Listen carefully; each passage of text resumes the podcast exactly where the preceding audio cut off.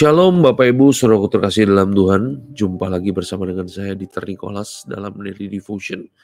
Kita akan selalu hadir setiap hari Bapak Ibu dari hari Senin sampai dengan hari Jumat jam 5.45 pagi. Saya berharap Bapak Ibu bisa mendisiplinkan kehidupan Bapak Ibu untuk merenungkan firman Tuhan hanya 10 menit Bapak Ibu dan pastinya firman Tuhan selalu baru, selalu fresh setiap hari ya Bapak. Seperti mana sorgawi Bapak Ibu. Oke? Dan saya berharap firman Tuhan memberkati kehidupan setiap kita. Dan sebelum kita mulai Bapak Ibu, saya berharap semua dalam keadaan baik, semua dalam keadaan sehat dan sebentar kita cukup mau berdoa ya Bapak Ibu ya. Kalau Bapak Ibu suka judul firman Tuhan hari ini, saya berikan judul jangan sampai berkat justru menggeser sumber berkat.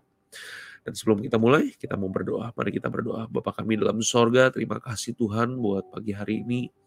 Kalau pagi hari ini kami boleh mendengar kebenaran-Mu ya Bapak kami percaya Engkau Tuhan Allah yang bersama-sama dengan kami. Berikan pewahyuan kebenaran-Mu buat setiap kami. Tuhan tuntun kehidupan kami ya Bapa. Supaya kehidupan kami makin hari makin berkenan di hadapan Tuhan. Kami makin mulia di hadapan Tuhan. Sehingga ke mana pun kami pergi, kami percaya hidup kami jadi berkat buat banyak orang. Berfirmanlah pagi hari ini ya Bapa di dalam nama Tuhan kami Yesus Kristus. Haleluya. Amin. Nah Bapak Ibu, kita akan langsung buka Alkitab kita dalam kejadian 22 ayat yang ke-12. Apa kata firman Tuhan buat setiap kita? Firman Tuhan katakan begini, Lalu ia berfirman, jangan bunuh anak itu dan jangan kau apa-apakan dia. Sebab telah ku ketahui sekarang bahwa engkau takut akan Allah dan engkau tidak segan-segan untuk menyerahkan anakmu yang tunggal kepadaku. Bapak Ibu Saudara terkasih dalam Tuhan ketika kita sedang menghadapi masalah, biasanya berdoa adalah sesuatu yang pasti Bapak Ibu. Ketika bisnis diambang kehancuran, biasanya ibadah itu nggak pernah kosong Bapak Ibu. Kita selalu rajin ibadah. Ketika kita menikah dan belum punya keturunan, membaca firman Tuhan adalah sebuah gaya hidup. Dan ketika belum mendapatkan pasangan, maka pelayanan adalah sebuah keharusan.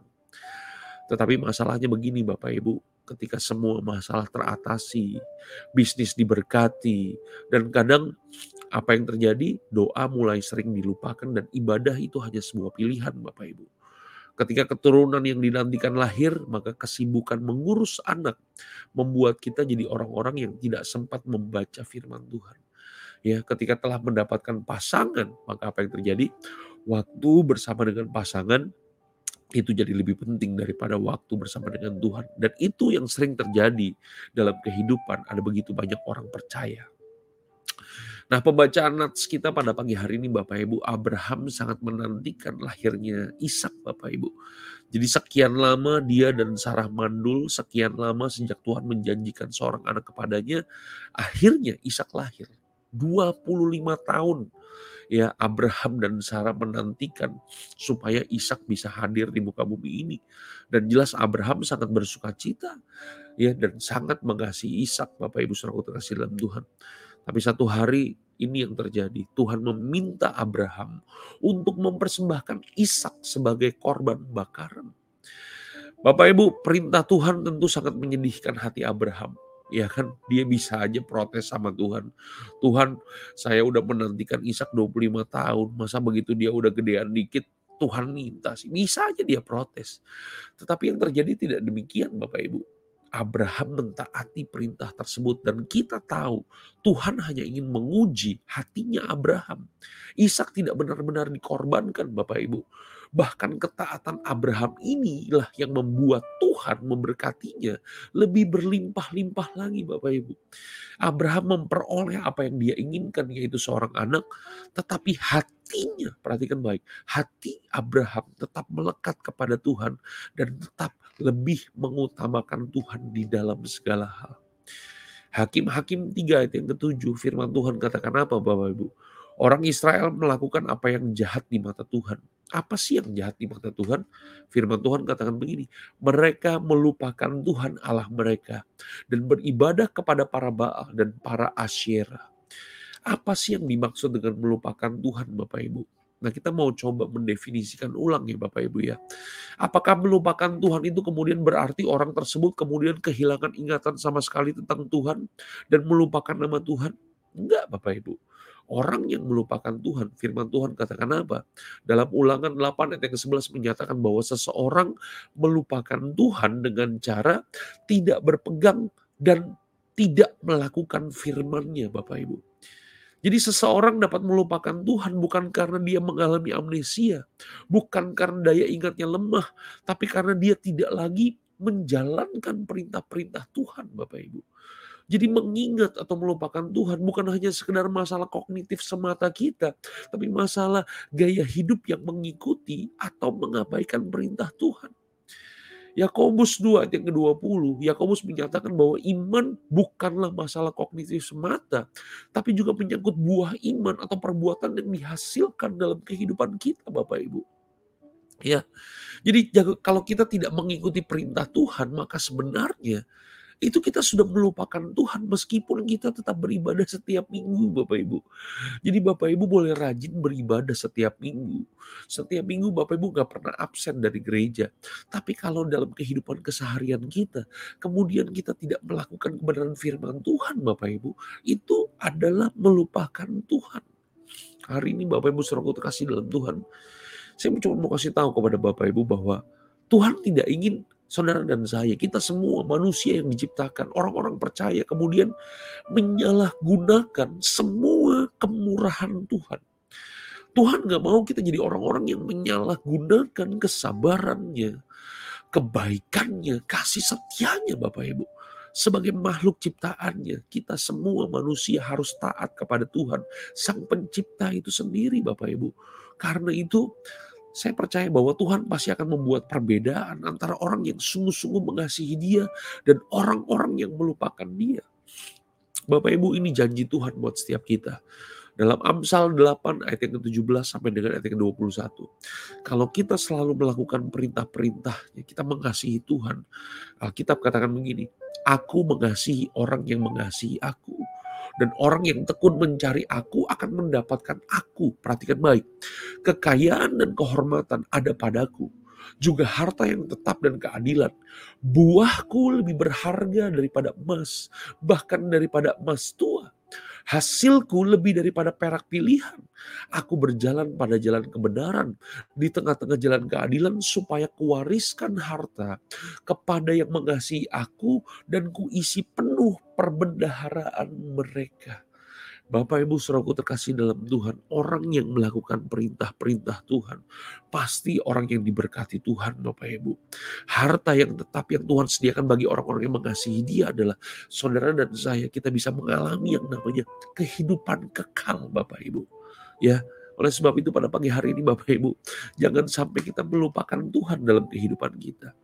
Saya punya anak Bapak Ibu, 10 tahun, kesukaannya main Lego Bapak Ibu satu hari saya belikan Lego, saya pulang ke rumah, saya belikan Lego. Kemudian anak itu nyamperin saya, saya kasih Legonya, kemudian dia buka Legonya, dia susun Legonya, dia mainin Legonya, dia sibuk dengan Legonya. Tapi dia lupa dengan bapaknya si pemberi Lego. Bapak Ibu kira-kira apa yang terjadi besok-besok? Akankah saya belikan Lego anak saya lagi? Gak akan Bapak Ibu. Setuju gak sih? Bapak Ibu yang udah punya anak, Bapak Ibu akan mengerti apa tujuan kita membelikan mainan buat anak kita. Tujuannya adalah supaya anak itu makin dekat sama kita kan Bapak Ibu, betul gak sih? Tapi kalau mainan itu membuat anak itu jauh dari kita, maka apa yang terjadi? Kita nggak akan pernah belikan Lego lagi Bapak Ibu betul gak sih kita kita buat apa kita belikan mainan kalau anak itu kemudian sibuk dengan Legonya dan lupa dengan kita Bapak Ibu nah sayangnya Bapak Ibu banyak orang justru lebih terpaut pada berkatnya dan melupakan Tuhan Hari ini ingatlah bahwa apa pun yang terjadi, Tuhanlah yang harus tetap menjadi fokus dan prioritas utama kehidupan kita. Bapak Ibu ingat perkataan ini baik-baik. Jangan sampai berkat Tuhan justru menggeser Tuhan dalam hidup kita. Jangan sampai kita justru berpikir bahwa kita tidak akan dapat hidup tanpa uang. Kita nggak akan bisa hidup tanpa jabatan, keluarga, pasangan, bahkan kesehatan atau kesenangan pribadi kita. Padahal begini, semua yang kita punya hari ini itu berasal dari Tuhan. Dan jika itu yang terjadi Bapak Ibu, sesungguhnya kita sudah menjadikan semua hal duniawi itu menjadi berhala dan dosa besar di mata Tuhan. Hari ini Bapak Ibu sekali lagi saya ingatkan, jangan sampai berkat Tuhan menggeser sumber berkat itu sendiri Bapak Ibu. Saya berharap Bapak Ibu diberkati dengan tayangan video ini. Yang diberkati jangan lupa kasih jempolnya Bapak Ibu, sharingkan link videonya, Tuhan Yesus memberkati. Mari kita berdoa. Bapak kami dalam sorga, terima kasih Tuhan buat pagi hari ini. Kalau pagi hari ini kami boleh belajar firman-Mu ya Bapak. Ajar kami untuk kami tidak melupakan Engkau dalam kehidupan kami. Kami mengingat apa pun yang Tuhan perintahkan dalam kehidupan kami, biar kami kerjakan. Tuhan buat kami berhasil, buat Tuhan buat kami beruntung. Tuhan berkati kehidupan kami dengan berkat-berkat rohani yang Tuhan curahkan dalam kehidupan kami. Engkau berkati semua Bapak Ibu Saudaraku terkasih dalam Tuhan yang nonton dan mendengar tayangan ini. Biar ini jadi berkat buat setiap kami. Terima kasih ya Bapak. Di dalam nama Tuhan kami Yesus Kristus. Haleluya. Amin. Shalom teman-teman Christ Center TV. Jangan lupa untuk subscribe channel ini dan bunyikan loncengnya untuk mendapatkan update terbaru dari video-video Christ Center TV. Ayo dukung terus channel ini untuk bisa mencapai 100.000 subscriber. Tuhan Yesus memberkati. Oke, saya mau menyapa-nyapa dulu nih Bapak Ibu ya. Ada Kaisen Aesthetic. Wah, udah lama banget nih kita nggak ketemu nih ya. Jarang hadir lagi nih Kaisen nih. Bener nggak sih? Atau dengernya siang kali ya. ada Paroy Tobing, ya pendengar setia yang luar biasa. Ada Ibu Emiwela, ada teman saya nih Hans nih. Kapan ngopi nih bro? Ada Kerchandra Hau. Halo, selamat pagi Pak. Pak Ferry Kasim, selamat pagi, salam sehat buat kita semua. Iya ada Ibu Emi Wela, ada Pak Roy Tobing. Tuhan lah yang menjadi pusat atau fokus dalam kehidupan kita. Amin. Ya Tuhan memberkati kita semua. Semangat selalu Bapak Ibu. Ada Yohana Pangaribuan juga, Ibu Yohana Pangaribuan. Salam sehat buat kita semua.